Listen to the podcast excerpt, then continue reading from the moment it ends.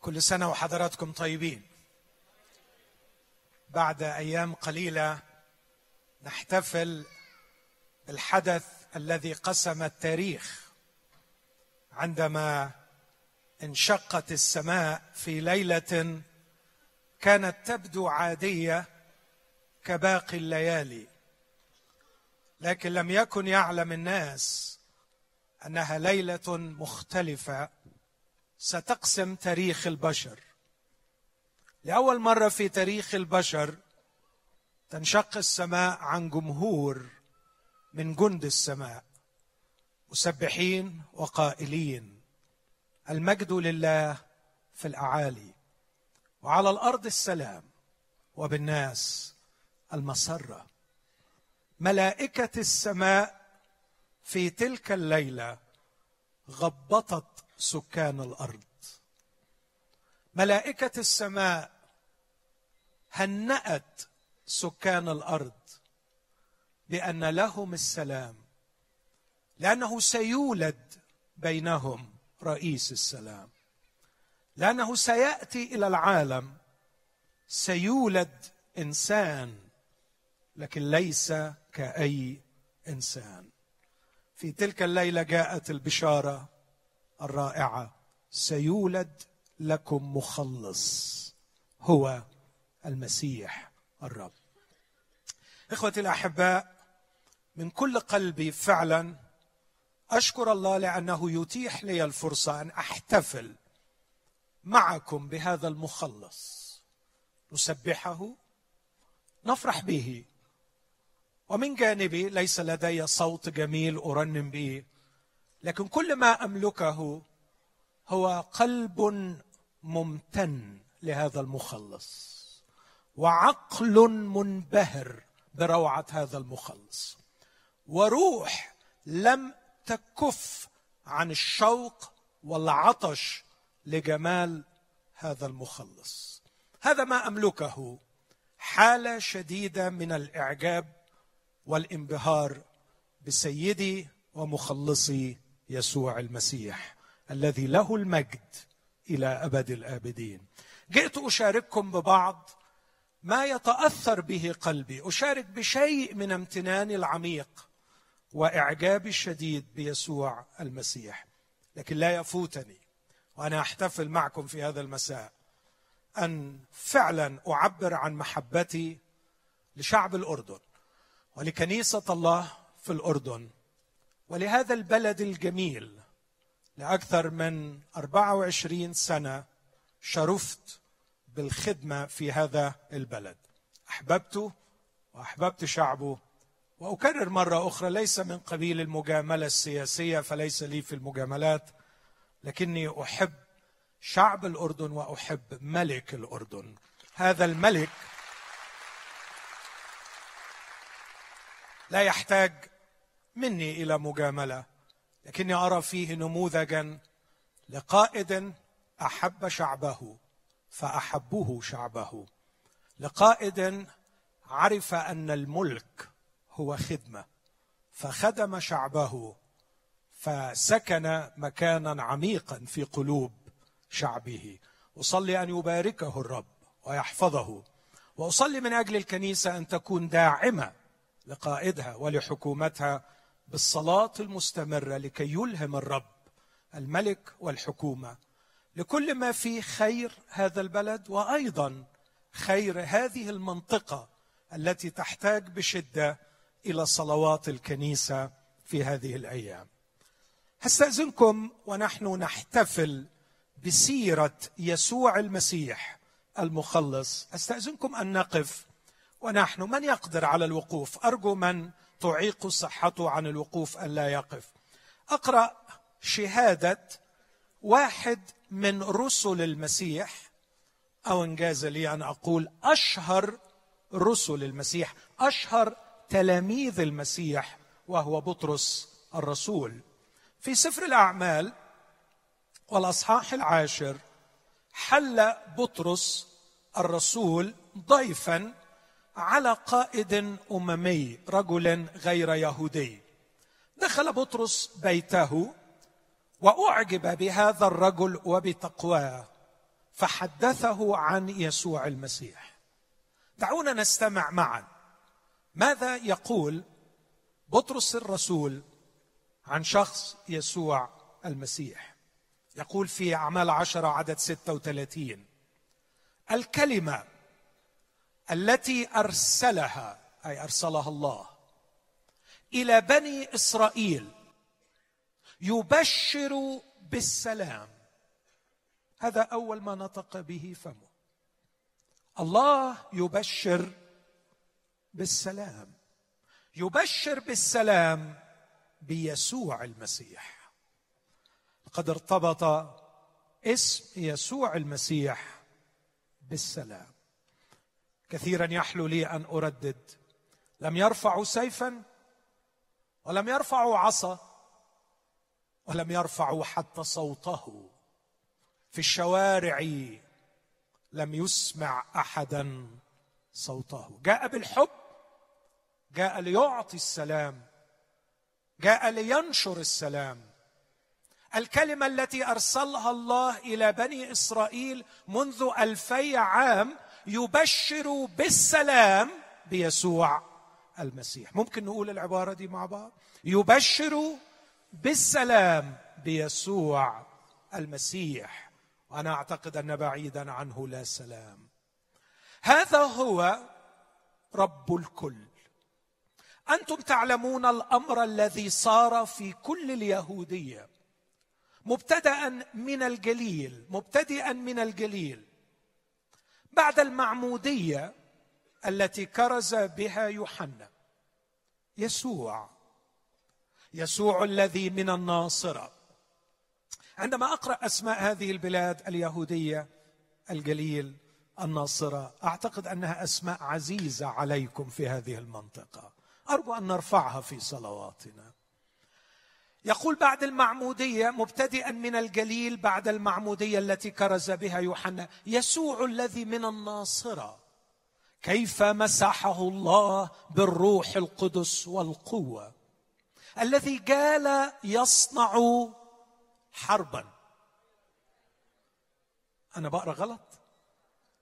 هقول تاني الذي قال يصنع مش سامع كويس. آه. يبشر بالسلام بيسوع المسيح. يسوع المسيح الذي قال يصنع لا حربا بل يصنع خيرا. الذي قال يصنع خيرا ويشفي. هذه هي رسالته. ويشفي جميع جميع. لم يتحيز لجنس لم يتحيز لعرق. لم يتحيز لغني أو لفقير يشفي جميع المتسلط عليهم إبليس لأن الله كان معه. ثم يقول ونحن شهود بكل ما فعل في كورة اليهودية وفي أورشليم. لكن يا للعجب عالم لم يتغير منذ ألفي عام.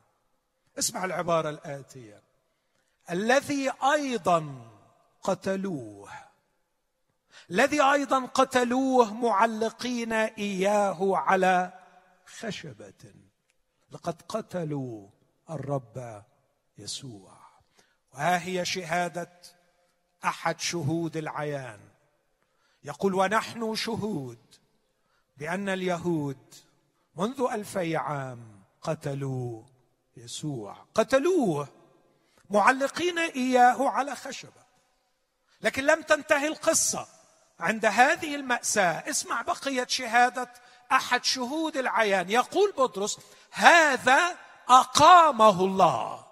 هذا أقامه الله في اليوم الثالث وأعطى أن يصير ظاهرا. ليس لجميع الشعب بل لشهود سبق الله فانتخبهم.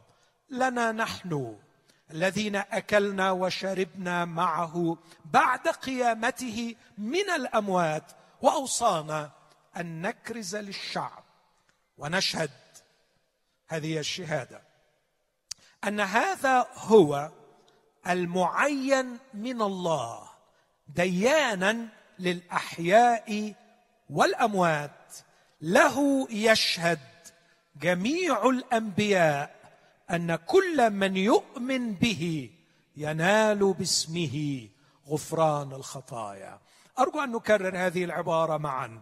له يشهد جميع الأنبياء أن كل من يؤمن به ينال باسمه غفران الخطايا. هذه هي كلمة الرب. شكرا له. تفضلوا. إخوتي الأحباء لا أطيل لكن في عجالة سريعة أحاول أن أجيب عن سؤالين. من هو يسوع المسيح؟ وماذا قدم للبشر؟ من هو يسوع المسيح؟ وماذا قدم للبشر؟ ولن أدخل في محاجة لاهوتية لكي أقدم عقيدتي المسيحية المبنية على كلمة الله. في من يكون شخص يسوع المسيح؟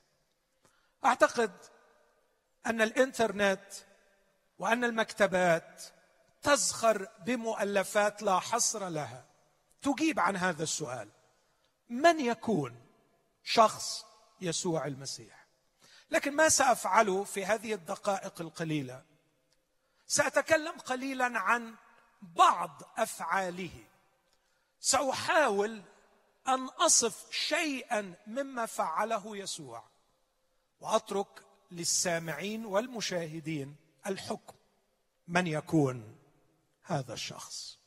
وأبدأ معكم رحلة قصيرة في بلاد أسماءها محبوبة لنا. نصلي من أجلها. أبدأ في قرية مغمورة. لم يكن لها ذكر ولا قيمة. لكن أصبحت الآن وستكون في الأسابيع القادمة موضوع الأغاني والتسابيح في كل بقاع الأرض. بيت لحم. كثيرا ما زرت بلاد في بقاع العالم المختلفة اسمها بيت لحم. لقد سموا مدنهم على اسم هذه المدينة. وفي الأسابيع القادمة ستجد التسابيح مبتهجة وستردد كثيرا كلمة بيت لحم. ماذا حدث في بيت لحم منذ ألفي عام؟ هناك فتاة. فتاة. قصتها عجيبة. قبل تسعة شهور زارها ملاك لكي ما يخبرها بخبر أغرب من الخيال. إنك ستحبلين وأنت عذراء وستلدين ابنا. وتدعين اسمه يسوع. لأنه لأنه لن يقدم للعالم نظاما سياسيا جديدا يخلص الأرض من الظلم السياسي. ولن يقدم للعالم نظاما اقتصاديا جديدا يسهم في ازدهار البشر بعد أن عانوا من الفقر كثيرا. ولم يبشرها قائلا أن يسوع سيقدم للعالم عقارا جديدا يشفي أمراضهم. لكنه قال لها خبرا رائعا ستدعين اسمه يسوع لأنه سيخلص شعبه من خطاياهم كان الملاك يحمل تشخيصا وعلاجا. يقول إن مأساة البشر لا تكمن في فساد سياسي أو فقر اقتصادي أو جدوبه علمية. لقد وصل العالم في القرن الحادي والعشرين إلى أعلى درجات التقدم العلمي والأكاديمي والتكنولوجي. ولقد جرب العالم عشرات الأنظمة السياسية والاقتصادية ولم يزل العالم يعاني أقصى معاناة قتلى حروب القرن العشرين فقط تعادل القتلى في كل التاريخ البشري. ولم نزل إلى اليوم نسمع اخبارا مروعة. ليست بسبب نقص العلم ولا ضعف السياسة ولا ضعف الاقتصاد لكن بسبب شر قلب الإنسان. في الأسبوع الماضي تعرضت بلدي الحبيب مصر إلى مجزرة مروعة. لم يحدث مثلها في كل التاريخ المصري. يدخل شخص على مئات الأشخاص في مسجد يصلون. يدخل أشخاص ويطلقون الرصاص. سمعت من ابني هذه القصة من مصدر موثوق فيه نقلها لي ثلاث أطفال تسع سنين سبع سنين أربع سنين يصلون مع أبيهم في المسجد. وابتدأ ضرب الرصاص وقتل الأب أمام أعينهم. الثلاث أطفال رقدوا واختفوا في دورة المياه. وكانوا يسمعون القتل يتفاخرون. أحدهم يقول لقد أسقطت خمسين. والآخر يقول أنا أسقطت ستين. ثم الذي أسقط أقل يجد نفوسا تنزف في جروحها فيجهز عليها لكي يزيد عدد قتلاه لكي يتفاخر. وعند أول فرصة هربت ثلاثة أطفال. هربوا لكن طالت رصاصة غدر من أحد هؤلاء الأشرار رأس الطفل الصغير وقتل أمام إخوته. ما هذا أحبائي؟ لا لا لا أعتقد أن هناك عاقل على وجه الأرض يقول إنه ظلم سياسي أو فساد اقتصادي أو جهل علمي إنها الخطية.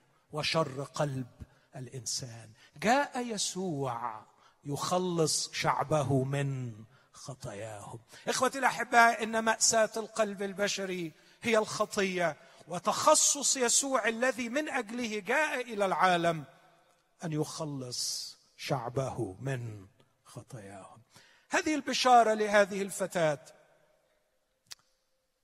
المطوبة والتي نشترك جميعا في تطويبها. لا أعرف ماذا كانت مشاعرها وهي تستقبل الخبر. ولا أعرف كيف امل الحدث وتتردد صداها يتردد صدى الكلمات في أذنها. الروح القدس يحل عليك وقوة العلي تضللك. لذلك المولود منك يدعى ابن الله. إخوتي كم أشتهي أن أقترب من المطوبة وأشترك في تطويبها وأسألها كيف كانت مشاعرها؟ وهي تتذكر هذه الكلمات وتقول لنفسها الآن قوة العلي تظللني. والآن يتحرك في رحمي وفي أحشائي. جنين تكون لا من زرع بشر لكن لأن الروح القدس حل علي. كانت تسمع تطويب اليصابات وهي تقول لها طوبى للتي آمنت أن يتم لها ما قيل لها من الرب. كانت تسمع تسبيحة زكريا بابتهاج لكني لا أستبعد أنها هي أيضا اشتركت في تطويب نفسها بل قد حدث وهي تقول منذ الآن جميع الأجيال تطوبني لأن القدير صنع بي عظائم واسمه قدوس. كانت تدرك قوة العلي تظللها وروح الله حل عليها وهو الذي كون في أحشائها هذا الجنين العجيب الغريب الذي لم يتكون قبل ولا بعد. ما هذا؟ عاشت التسعة شهور. في خوف؟ في رعدة؟ في توقع؟ في فرح؟ في ابتهاج؟ في انتظار؟ تنتظر بشوق. كيف سيكون شكله؟ أعتقد أن كل أم عندما تجتاز هذه الخبرة تعيش بهجة هذا التوقع وتطرح هذه التساؤلات. يا ترى كيف سيكون شكله؟ يا ترى ماذا سيكون مستقبله؟ يا ترى ماذا سيفعل هذا الطفل؟ لقد عشت مع زوجتي هذه التجربة مرتين. وكم كنا سعداء ونحن ننتظر أبنائنا. فلا أستطيع أن أتخيل حجم التوقع الذي كانت تتوقعه العذراء عن ابنها الحبيب يسوع المسيح.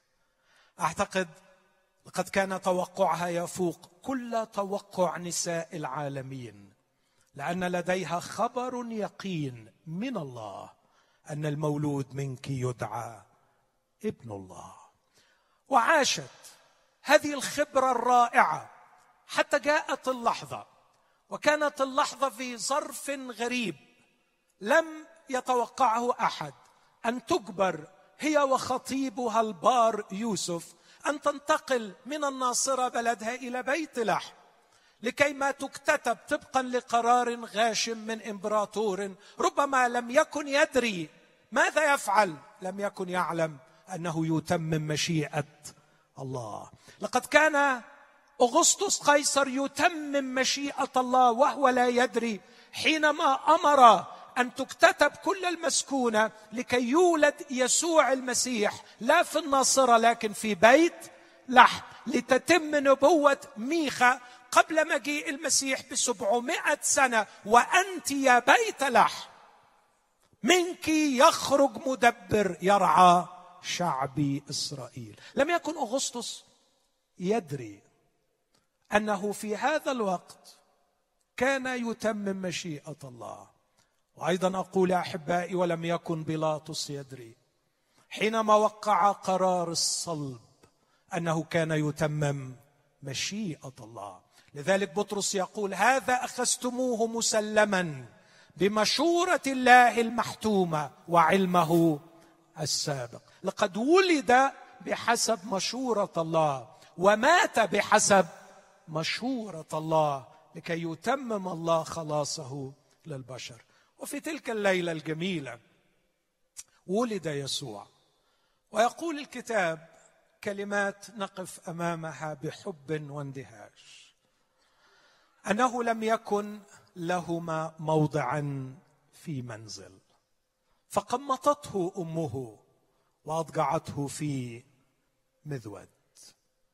أنا أعتقد أنه كان لله قصدا في هذا الأمر. أن يبدأ يسوع حياته من أفقر مكان لكي يوصل رسالة إلى كل إنسان. إني جئت لكي أشترك في معاناة البشر. جئت لكي أذوق ما تتذوقونه كل يوم. جئت لا لكي أكون في قصر عالي منفصلا عن الدمع والدم والألم والبؤس البشري. جئت لأني أحبكم جئت أشترك في ألمكم.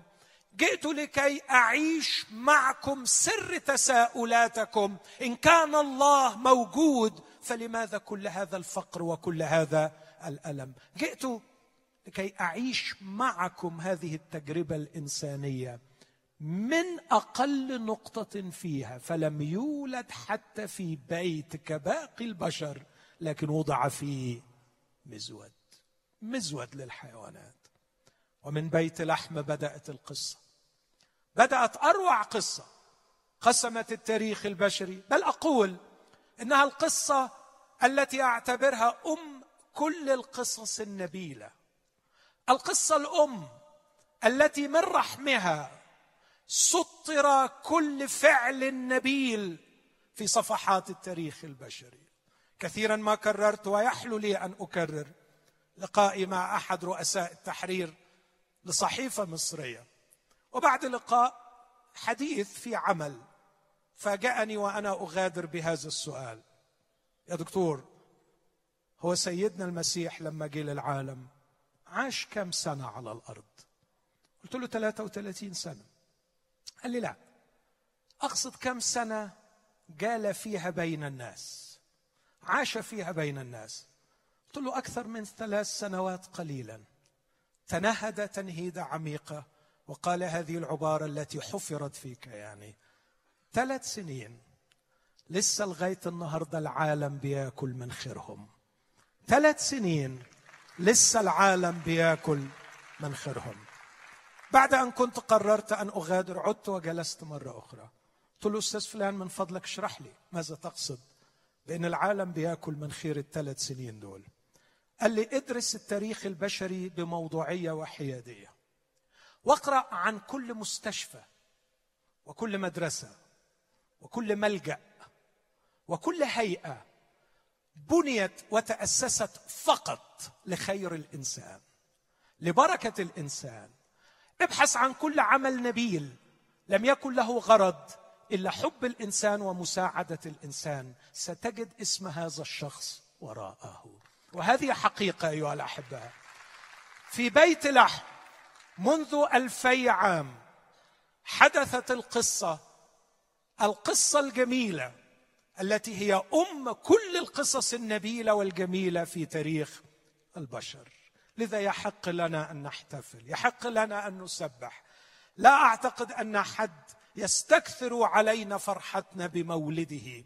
لقد أتى ليصنع الخير. وها هو واحد من تلاميذه يقول الذي قال يصنع خيرا ويشفي جميع المتسلط عليهم.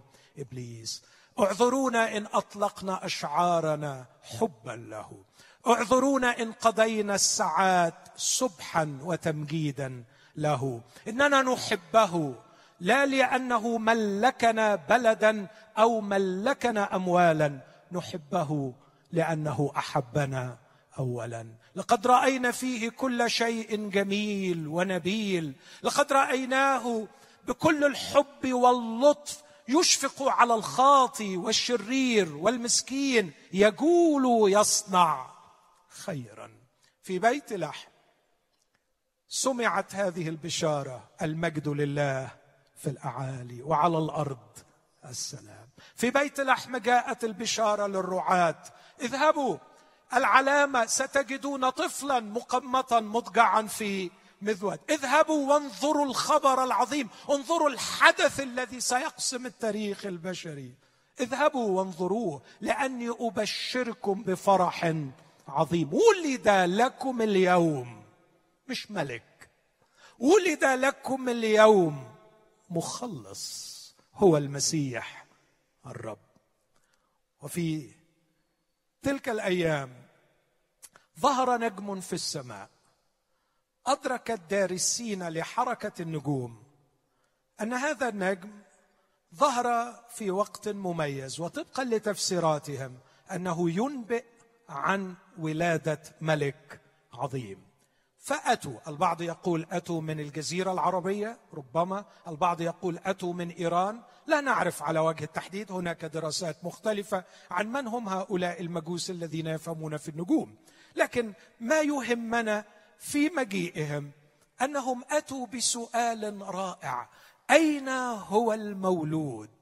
ملك اليهود لقد رأينا نجمه في المشرق وأتينا لنسجد له. وعندما رأوا الصبي بعد معجزة قادهم إليها النجم قادهم إلى البيت الذي كان فيه يسوع.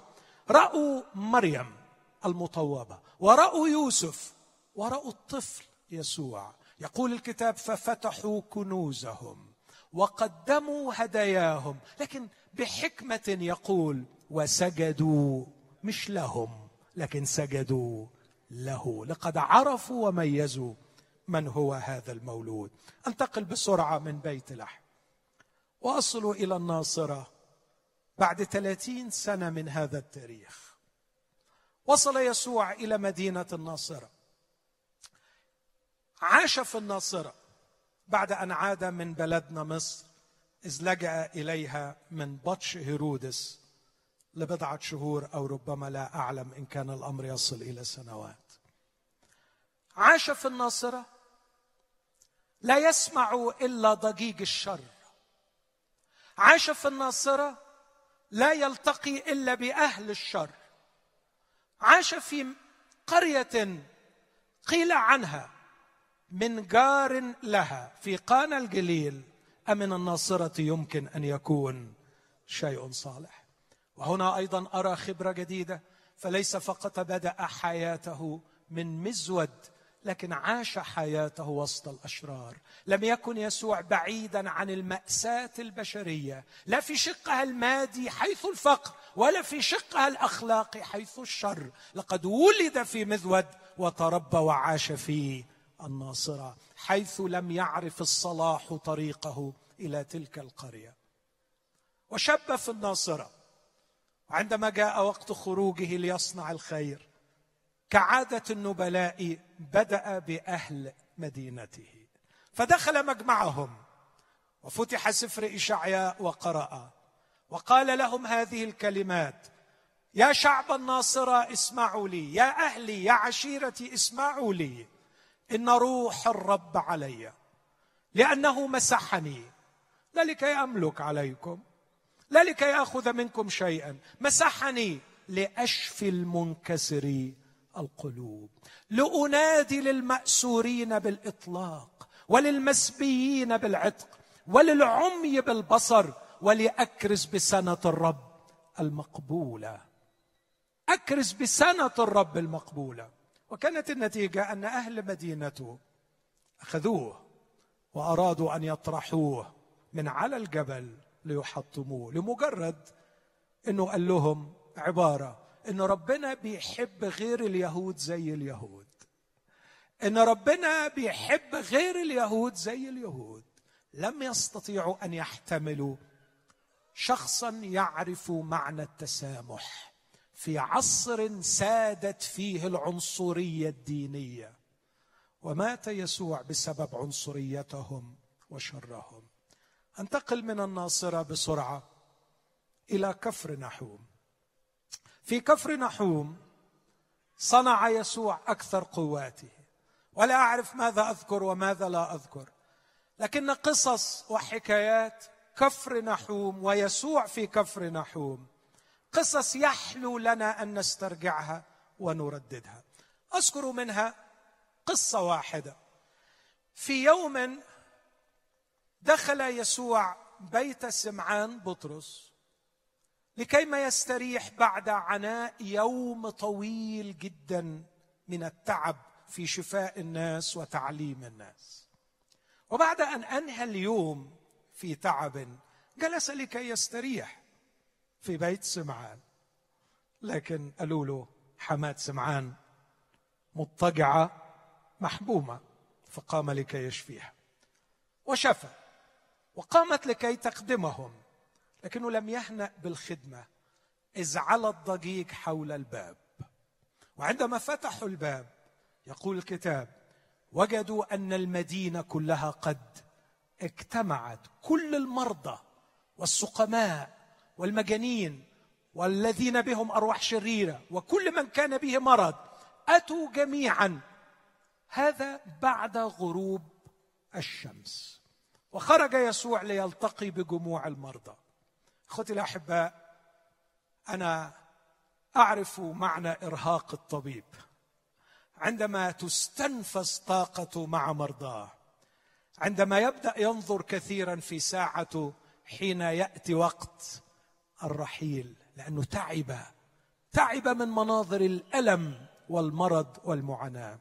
خرج يسوع بعد غروب الشمس ويقول الكتاب كلمة غريبة فوضع يديه على كل واحد منهم وشفاهم جميعا.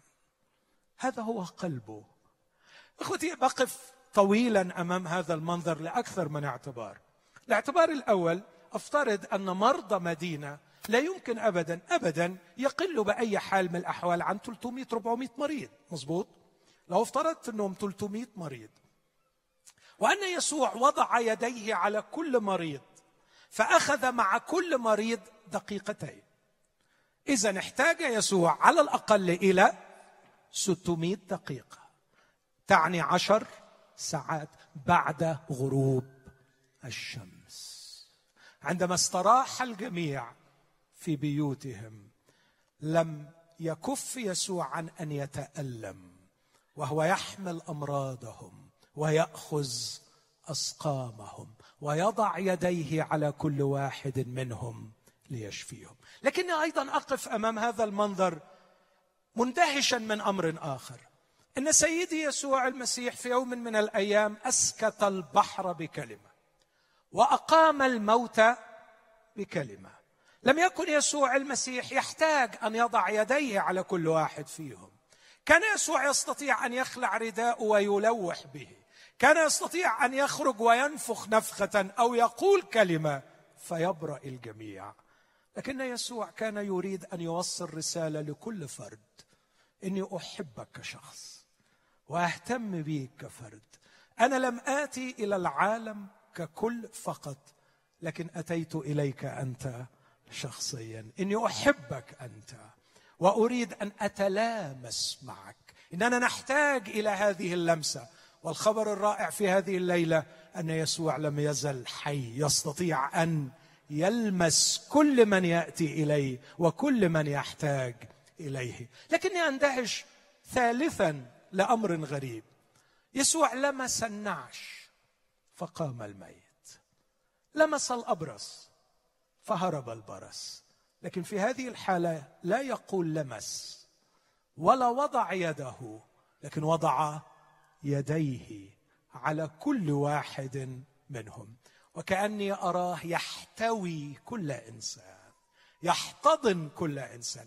عندما يضع كلتا يديه على المريض كان يريد أن يوصل له رسالة عميقة للغاية. أنت محبوب. أنا مهتم بك أنا مشفق عليك لمرضك. أنا أريد أن أحتويك. هذه هي رسالة يسوع المسيح في كفر نحوم.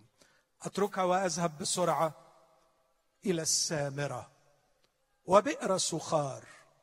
وعلى بئر سخار كانت هناك امرأة. وآه ما أروع القصة وما أعمق الحوار. الذي جرى على بئر سخار. وبئر سخار تعني بئر السكارى. وهو يتحدث كثيرا عن هؤلاء الذين لم يجدوا معنى في الحياة لم يجدوا شيئا يستحق أن نعيش من أجله فقرروا أن يهربوا من الحياة بالخمور المختلفة. خمر الملذات خمر الورك هوليك الانغماس في العمل خمور كثيره انتشرت تعطي للناس فرصة للهروب. هذه المرأة كانت سكرانة كانت ترتوي كثيرا بهذا الخمر لكي ما تهرب من واقعها المر والمؤلم. الكتاب يقول أن يسوع كان لابد له أن يجتاز السامرة. وعندما أتوقف أمام هذه العبارة أقول لسيدي يا سيدي أنت الذي لا تحكم بالجغرافيا والجغرافيا لا تحتم عليك ابدا قوانينها. هذا الذي مشى على الماء هذا الذي استطاع أن يقهر الموت ويقوم من الأموات كان يستطيع أن ينتقل من اليهودية إلى الجليل بأي طريقة لا تخطر على البال.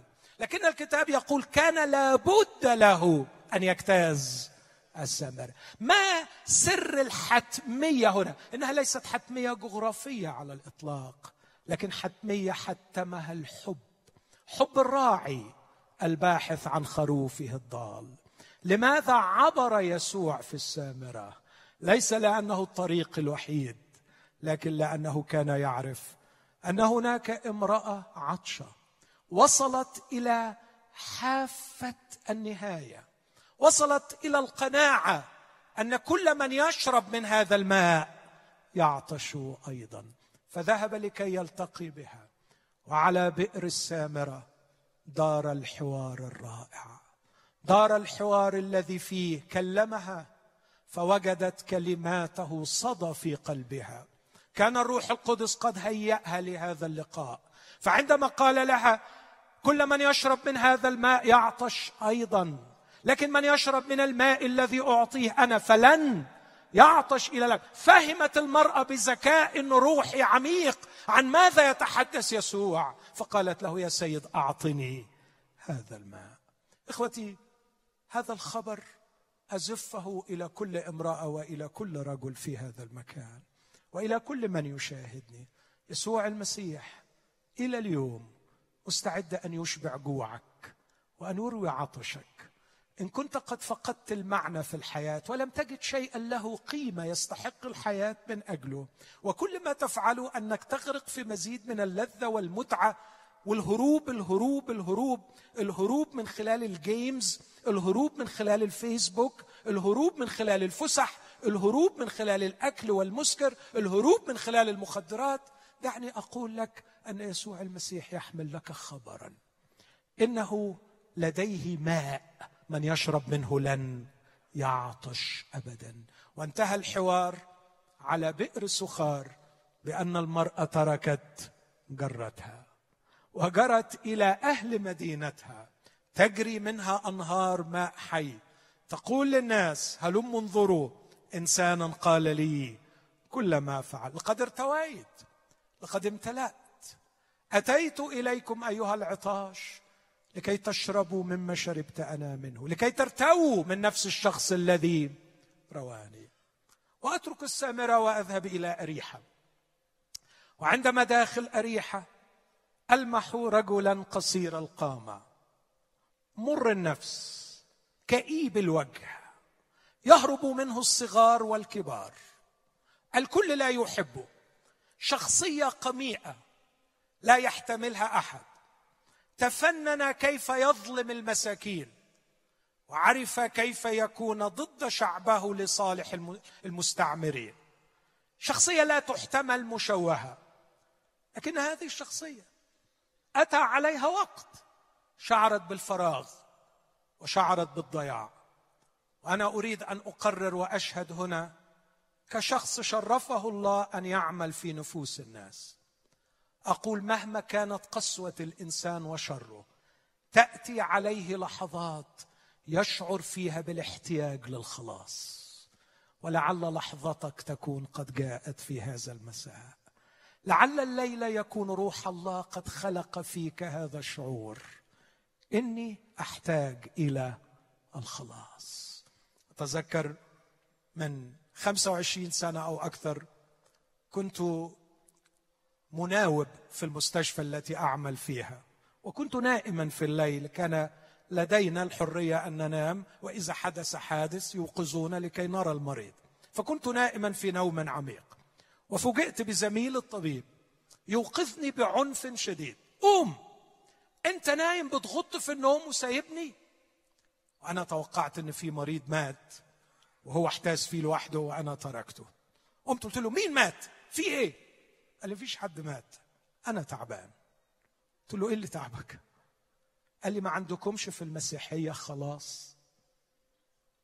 قلت له ياه مقومني في نص الليل. تسألني السؤال ده.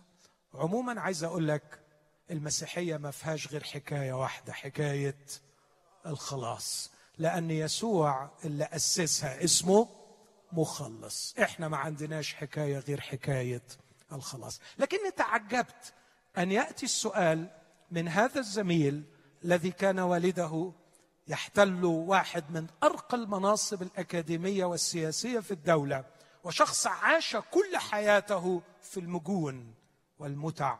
لكن حتى هذا الشخص مع كل المتع ومع كل المكان والمقام جاءت عليه لحظة شعر أنه يحتاج إلى خلاص. وأنا نفسي أقول لكل واحد جات له اللحظة دي. أرجوك استثمرها. إذا جات عليك لحظة شعرت في إنك محتاج تخلص من اللي أنت فيه من الوضع اللي أنت فيه إني أبلغك بالخبر العظيم. يوجد مخلص. اسمه يسوع المسيح. وهو قد قام من الأموات وهو حي الآن ويسمع كل من يدعوه وله يشهد جميع الأنبياء أن كل من يؤمن به ينال باسمه غفران الخطايا. أعود إلى مواطن أريح الكئيب المسكين. كان على مشارف المدينة. جاءته هذه اللحظة الجميلة. شعر فيها باحتياجه للخلاص.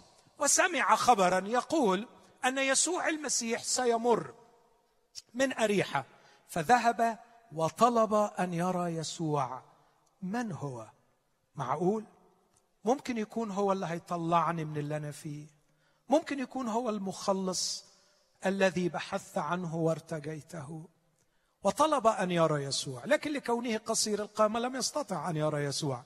فرأى جميزة فصعد على الجميزة.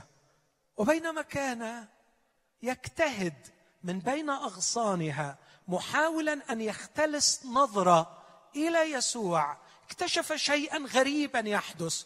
أن الجمع بدلا من كان يمر في منتصف الطريق ابتدأ يقترب إلى جانب الجميزة والجموع تتزاحم حول الجميزة ثم أبصر ما لم يخطر له على بال. إن يسوع نفسه أتى ووقف تحت هذه الجميزة وإذ به يسمع اسمه. ولأول مرة بنغمة لم يسمعها من قبل. وبأسلوب لم يختبره من قبل. لأول مرة سمع اسمه ينده بحنان الأم وبمحبة الأب وبشفقة الراعي الذي يبحث عن خروف قد ضل. إن اسم زكا كان يلقي الرعب في قلوب المساكين. لم ينده إلا بكل كره وحقد. لكن أول مرة يسمع اسمه بأسلوب مختلف. يا زكا أسرع وانزل لأنه ينبغي اليوم أن أمكث في بيتك. وكلمة أمكث تعني أبيت. زكا سأنام على فراش أنت ستعده لي. وستناول طعامي معك يا زكا. يا رب إني عشار إني خاطي إني حقود إني فاسد. هل معقول أنك ستحبني وتدخل بيتي وتنام على فراش عندي؟ إن الفريسيين يحتقرونني إن الرابيين ومعلمي اليهود إذا رأوني مارا من طريق يمرون من طريق آخر لكي لا يتنجسوا بي. فهل تأتي أنت لتقيم في بيتي؟ هل هذا معقول؟ لكنه اكتشف أن يسوع يعني ما يقول. وقد دخل وبات عند زكا. لكي ما يبرهن يسوع صدق رسالته أنه جاء لكي يخلص شعبه من خطاياهم. زكا حبيبي خطاياك مش تبعدك عني. خطاياك تقربني منك لأني جئت لكي أخلصك من خطاياك. وعندما دخل يسوع اتهم من اليهود أنه دخل ليبيت عند رجل خاطئ. لكن زكا وقف ليشهد ليقول أن العملية قد نجحت وأن هذا الطبيب رائع في شفائه. انظروا ماذا فعل في قلبي. لقد غيرني وها أنا أشهد أمام الملأ. نصف أموالي للفقراء والمساكين. وإن وشيت بأحد أرد أربعة أضعاف. ويسوع يعلن نجاح العملية فيقول اليوم حصل خلاص لهذا البيت. لقد جاء المخلص فحضر الخلاص للقلب وللبيت. وأنا عايز أقول تاني المخلص موجود والخلاص مستعد أن يحضر إلى قلبك وإلى بيتك. يعوزني الوقت أن أمر على بلاد الجليل. وعلى أورشليم. لكني اختم بقرية أخيرة هي قرية بيت عنيا قرية بيت عنيا قرية فقيرة حقيرة مسكينة. لكن كانت تسكن فيها أختان يحبان يسوع. ولهم أخ اسمه لعازر وقد مرض لعازر. فأرسلت الأختان إلى يسوع قائلتين هو ذا الذي تحبه؟ مريض. لكن يسوع تأخر لحكمة عنده وجاء بعد أن كان لعازر قد مات ودفن في القبر وله أربعة أيام. وأتى يسوع والتقته مرثا وأجرت معه حوارا جميلا. سكبت شكواها وعاتبته. لو كنت ها هنا لم يمت أخي. قال لها يسوع أنا هو القيامة والحياة. من آمن بي ولو مات فسيحيا. إخوتي الأحباء أرجوكم أن تفكروا في هذه العبارة. هل مجرد إنسان مائت؟ هل مجرد إنسان مائت؟ يجرؤ أن يقول أنا هو القيامة والحياة. فكر في هذه العبارة.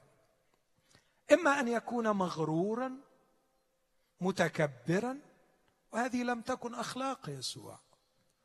إما أن يكون غير عاقل يدعي ما لا يعيه وهذا لم يكن عقل يسوع. أعتقد أن أخلاقه وعقله يحتمان علينا أن نحترم قوله. يسوع يقول أنا هو القيامة والحياة. من آمن بي ولو مات فسيحيا. عندنا في مصر مثل يقول المية تكذب الغطاس. واحد بيقول أنا هو القيامة والحياة. دعه يقول لكن يسوع بعد لحظات برهن صدق المقال. لم تمضي إلا لحظات وقال لهم أين وضعتموه? قالت له مرسى يا سيد قد انتن قال ارفعوا الحجر شموا الرائحة تأكدوا أنه قد انتن ثم بكلمة واحدة لعازر. هلم خارجا فخرج الميت. على فكرة هلم خارجا مش هي اللي احيته هلم خارجا اطلع بره القبر. لأنه كان حيا. لكن ما أحيا لعازر هو أن المسيح نطق اسمه. وبمجرد ما نطق المسيح اسم لعازر قام لعازر. وخلق جسد جديد للعازر. والخبر الرائع الليلة يسوع مستعد ينطق اسمك. ولو نطق اسمك ستدب فيك الحياة وسيخرجك ويحييك لأن يسوع يشهد عن نفسه قائلا أنا هو القيامة والحياة. خانه أحد تلاميذه فلم يقل الحب في قلبه. أنكره أعظم تلاميذه فلم يتغير قلبه من نحوه. تركه جميع تلاميذه وهربوا. أول ما فعله بعد أن قام من الأموات ذهب لكي يجمعهم من شتاتهم. ذهب ليكفكف دمعة تلميذة أحبته ويقول لها لا تبكي. مريم. وذهب ليسير مع اثنين عابسين ليفرج عنهم عبوستهم. وذهب إلى المتشككين في قيامته ليريهم يديه وجنبه ويقول لهم طوبى للذين آمنوا. ولم يروا. هذا هو يسوع يا أحبائي. يا ترى هل تلوموني إن أحببته؟ هل تلوموني إن قضيت العمر عابدا له؟ هل تلومونني إن كنت أقضي عمري مسبحا له؟ فخورا إني أتبعه. فخورا إني تلميذ لهذا المعلم. كم أشتاق يا سيدي أن تعطيني أخلاقك وأن تعطيني قلبك وأن تعطيني نبلك وأن تعطيني حبك وأن تشرفني بأن أبلغ العالم كله رسالتك. أنك المخلص الذي أتيت لكي تخلص شعبك من خطاياهم. لكني أختم واعذروني لأني أطلت بشهادة هذا التلميذ عنه بطرس. دعوني أسأل بطرس نفسه بطرس لقد أحببت يسوع وخدمت يسوع ومت من أجل يسوع. ومعظمنا يعرف أن بطرس الذي أنكره في يوم من الأيام مات من أجل اسم يسوع ومات مصلوبا. وعندما قدموه للصلب يقول التقليد وأنا أعتقد أنه صحيح أنه أبى أن يصلب مثل سيده فصلب منكس الرأس. ما هذه الجرأة؟ ما هذا الجمال؟ ما هذه الروعة؟ لكن كان قلبه قد سبي سبي شبع. لقد رخصت الحياة رخص العمر رخص الألم رخص كل شيء بعد أن امتلك يسوع بالحب. قلب هذا التلميذ. أقترب من هذا الرسول العظيم وأسأله أخبرني أخبرني أيها التلميذ القديم. أخبرني يا أول التلاميذ. أخبرني بشهادتك عن يسوع. لماذا أحببته؟ ما الذي قدمه لك يسوع؟ أعتقد أن بطرس سيجيبني في ثلاث كلمات. يقول لي قد أعطاني شيئا يعرفه معشر الفلاسفة. قد أعطاني هوية. قد أعطاني إجابة عن أعمق سؤال فلسفي. من أنا؟ تعرف يا ماهر في أول مرة التقيت يسوع نظر إلي نظرة لا أنساها فاحصة كاشفة وكأنه يعرف كل ذرة في كياني.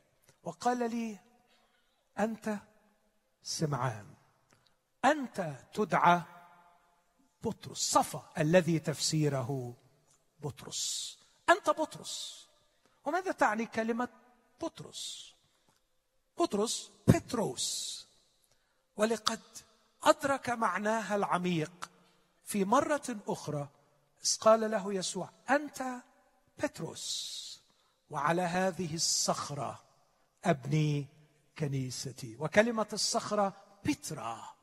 أنت بتروس وعلى هذه البترا وأنتم تعرفون كلمة بترا هنا. بترا أبني كنيستي. وكأنه يقول له أنا البترا أنا الصخرة العظمى. وأنت البتروس الحجر الذي قطع من هذه الصخرة. إنك ستكون مني وستحمل اسمي وستكون قطعة مني وستكون هويتك هي هويتي. إنك بعد هذا لن تكون ابن يونا ولن تكون صياد السمك ولن تكون ساكن الجليل ستكون تلميذ ليسوع المسيح. تحمل شبهه تحمل شخصيته تحمل طبيعته. تكون أنت في وأنا فيك. هذا ما يقدم لك يسوع. إني أؤكد لكل أحبائي من يسمعوني. إن أعمق سؤال يواجه ويتحدى الإنسان من أنا؟ هو في سؤالين معذبين البشر. مين أنا وأنا هنا ليه؟ من أنا؟ Who am I? And why I am here. أنا هنا في الدنيا ليه؟ وأنا مين؟ يسوع المسيح يقدم لك هوية جديدة. في آدم ورثنا الخطية. في آدم ورثنا الموت.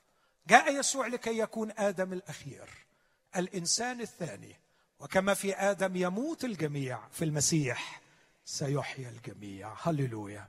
إذا أتيت إليه اليوم يعطيك هوية جديدة كيان جديد يغيرك من الأعماق. إنه لا يقدم عقيدة لكن يقدم كينونة. إنه لا يقدم علم لكن يقدم تغيير في الداخل كينون نيو بيين كائن جديد تصبح في المسيح خليقة جديدة. الأشياء العتيقة تمضي والكل يصير جديدا. لكن أقول له وماذا أيضا؟ يقول وبعد فترة التقاني على بحر الجليل كنت هناك ألقي شبكة في الماء. كنت أصطاد السمك ففوجئت به يقول لي هلم ورائي فأجعلكم صيادين الناس. أعطاني رسالة أعيش بها. جعلني أشترك مع الله في مشروعه وجعل الناس هم مجال عملي. لقد جعلني أحب الناس وأعمل مع الله لخلاص الناس. وكأن الرب يقول له بطرس إن الناس غارقين في بحر الردى. إن الناس هالكين في حمأة الخطية. إنهم يحتاجون إلى صيادين ينتشلونهم من بحر الردى ومن طين الحم هل تعمل معي يا بطرس؟ هلم ورائي؟ فأجعلك صيادا للناس. لكن أخيرا يقول وقدم لي علاقة فريدة من نوعها. إخوتي الأحباء كل منا رجال ونساء. نحتاج إلى intimate relationship. محتاجين إلى علاقة حميمة قوية. محتاج حد يحضني. محتاج حد يحبني. أذكر يوم رحيل أخي دكتور مجدي إلى السماء. كتبت عندي في مذكراتي هذه العبارة. عرفت اناسا أحببتهم. لكن غيرتهم الظروف. وأحببت آخرين أفسدتهم الخطية. أما مجدي أخويا لم يغيروا ظرف ولم يفسدوا شر لكن غيبه الموت. إني أحتاج إلى صديق لا يفسد شر ولا يغير ظرف ولا يغيب موت. ولم أجد هذا إلا في شخص يسوع المسيح. هذا هو الصديق الذي لا يتغير الباقي. يقول عنه في عبرانيين سبعة إنه يبقى إلى الأبد. من ثم يقدر أن يخلص إلى التمام. إنه لا يتغير إنه لا ينتهي. إنه يبقى. أتحداك إنك ممكن تشاور على حد من أقرب الناس إليك وتقول هذا سيبقى لي إلى نهاية عمري. أتحداك. أتحداك.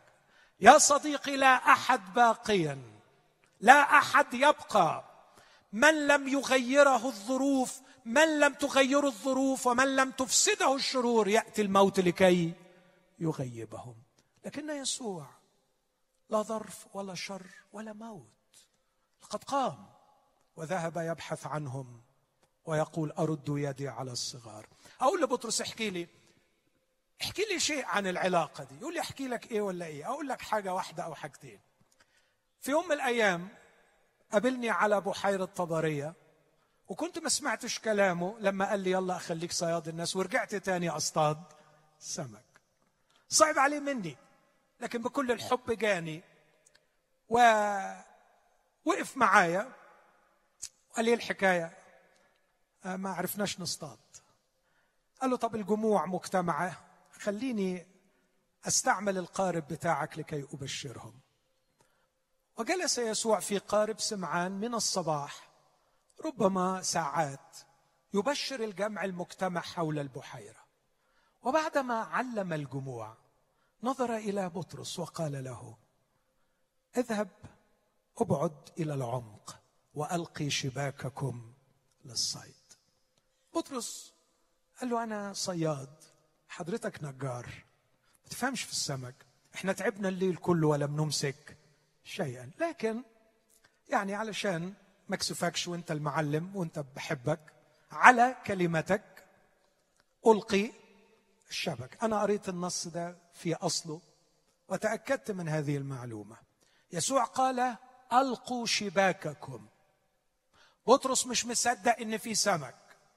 وحب يبرهن ليسوع إنه ما فيش سمك. فراح رمى شبكة واحدة. لكن كمية السمك اللي جاية تبع أمر يسوع كانت جاية مش على شبكة جاية على شباك. عشان كده الشبكة إيه اللي جرى لها تخرقت لأن السمك أطاع ودخل الشبكة الواحدة فتخرقت الشبكة. بطرس عمل موقف غريب شوية. كان يسوع يجلس في مؤخر السفينة. فذهب إليه في مؤخر السفينة وخر على ركبتيه أمام يسوع.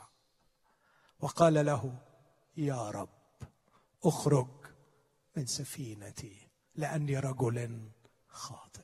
أرجو أن تتخيلوا هذا المنظر. يسوع مزنوق في كورنر السفينة وبطرس زنقه وراكع عند رجليه وبيقول له يا رب إيه؟ طب أخرج أروح فين؟ ما أنت زنقني.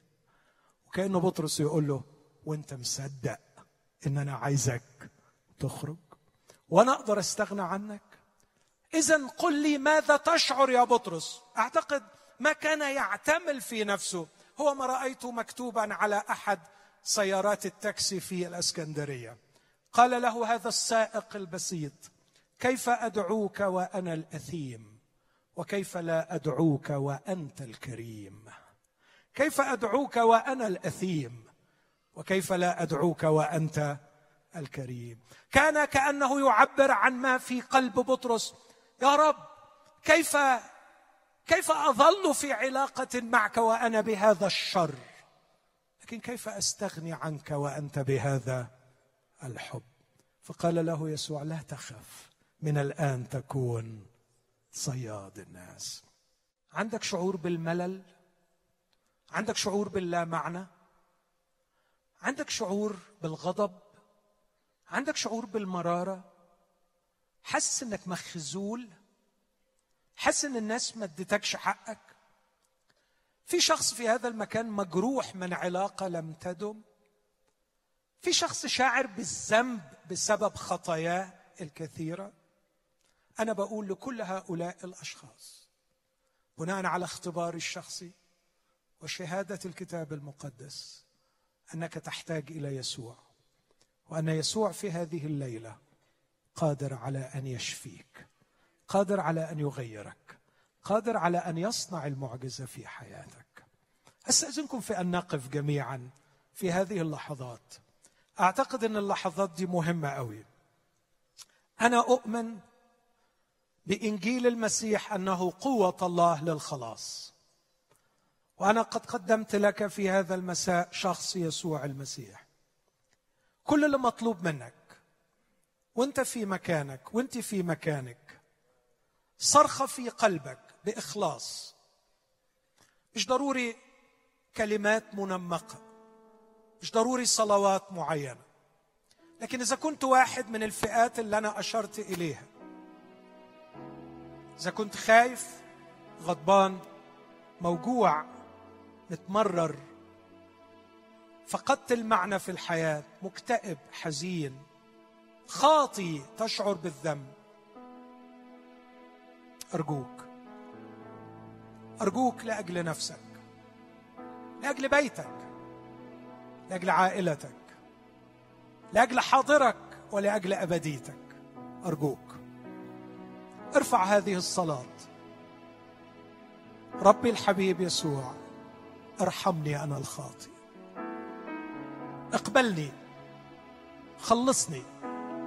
اشفيني. الليلة ليلة تغيير. الليلة ليلة احتفال بميلاد يسوع. لن نقدم له هدايا. هو الذي سيقدم لنا الهدايا. هداياه ليك. كيان جديد. رسالة جديدة علاقة جديدة تغيير من الداخل. فرحة عمرك ما دقتها قبل كده حرية عمرك ما جربتها قبل كده شفاء للأعماق عمرك ما دقته قبل كده. لا يقدر عليه إلا من مات وقام يسوع المسيح. يملك أن يعطي غفران الخطايا لأنه ذبح على الصليب من أجلنا. يملك أن يعطي الحياة لأنه دك الضريح وقام منتصرا. يسوع المسيح الذي مات وقام يغفر ويحيي. ان طلبت ان طلبت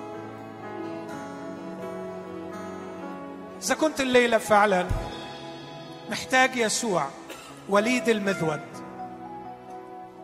أنا أدعوك وادعوك. إذا كنت تشعر بهذا الاحتياج لا تخجل لا تخجل تحرر من القيود. اعمل زي زكا اللي طلع على الجميزة. خد قرار. وتعال لقدام. تعال للأمام خليني أصلي معك تعال اعلن أمام الجميع بلا خجل إنك تريد يسوع المسيح المخلص. وانت بتسمع الترنيمة دي. خذ القرار ده. أن تأتي إليه. أن تأتي إليه كما أنت. تأتي إليه بكل مشاعرك السلبية. وتطلب منه. تطلب منه أن يلمسك وأن يجري معجزته. ما فعله مع بطرس. ما فعله مع الزك مع زكا. مع السامري. ما فعله معي. ومع مئات في هذه القاعة. يريد يسوع أن يعمله معك في هذه الليلة.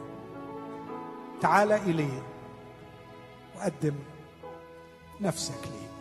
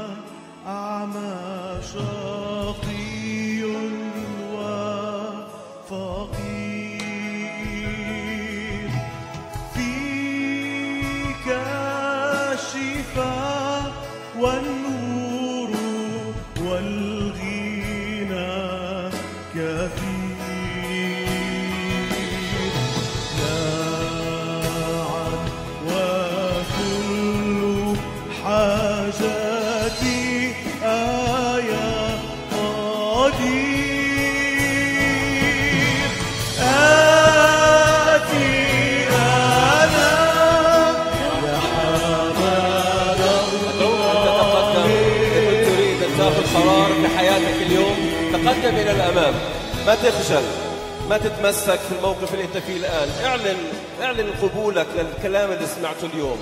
اعلن تجاوبك مع كلمة الله الصادقة اللي قدمت لنا اليوم. اعلن تجاوبك أن تتقدم إلى الأمام حتى نصلي معك.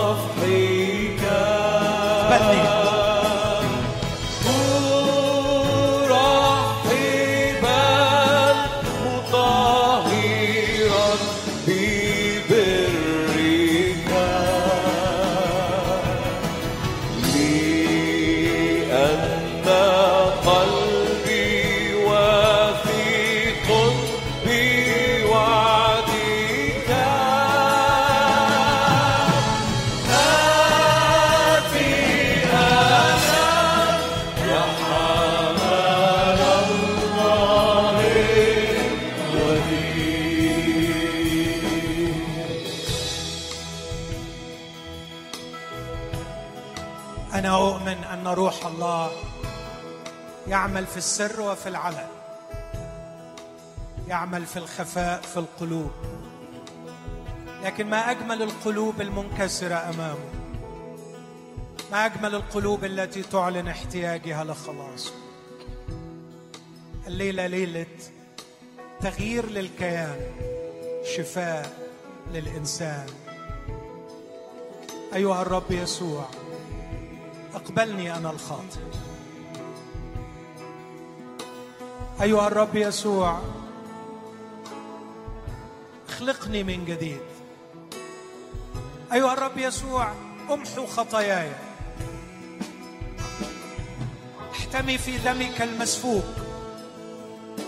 يا من ذبحت من أجلي على الصليب. يسوع يدعوك. تعال أرجوك. يسوع يدعوك. يغفر يغفر الذنب. يحرر من الاسر يقيم من الموت. يشبعك. صلوا معي أيها الرب يسوع ارحمني. خلصني. احييني. سيدي الحبيب لم تضعف قوتك. يوما واحدا. لم تزل مخلصا كل يوم تخلص الألاف في كل بقاع الأرض. أسجد لك لأنك لم تغلق الباب حتى الآن. أسجد لك لأن باب النعمه لم يزل مفتوحا. أشكرك لأجل هذه النفوس التي عمل فيها روحك. أشكرك لأجل النفوس الموجودة بين الصفوف. التي طلبت خلاصك وغفرانك وشفائك في هذه الليلة. توسل إليك أن تعطي شهادة الروح القدس في الأعماق. أنك صنعت المعجزة. فيمضي كل منهم فرحا كما مضى الخصي الحبشي. اغفر يا سيد. اشفي يا سيد. أحيي يا سيد. افتح العيون. وغير الكيان. واصنع الإنسان من جديد. أنت الذي أحببت ومت لاجله أبانا نشكرك لأنك في اسم يسوع تسمع وتستجيب. آمين.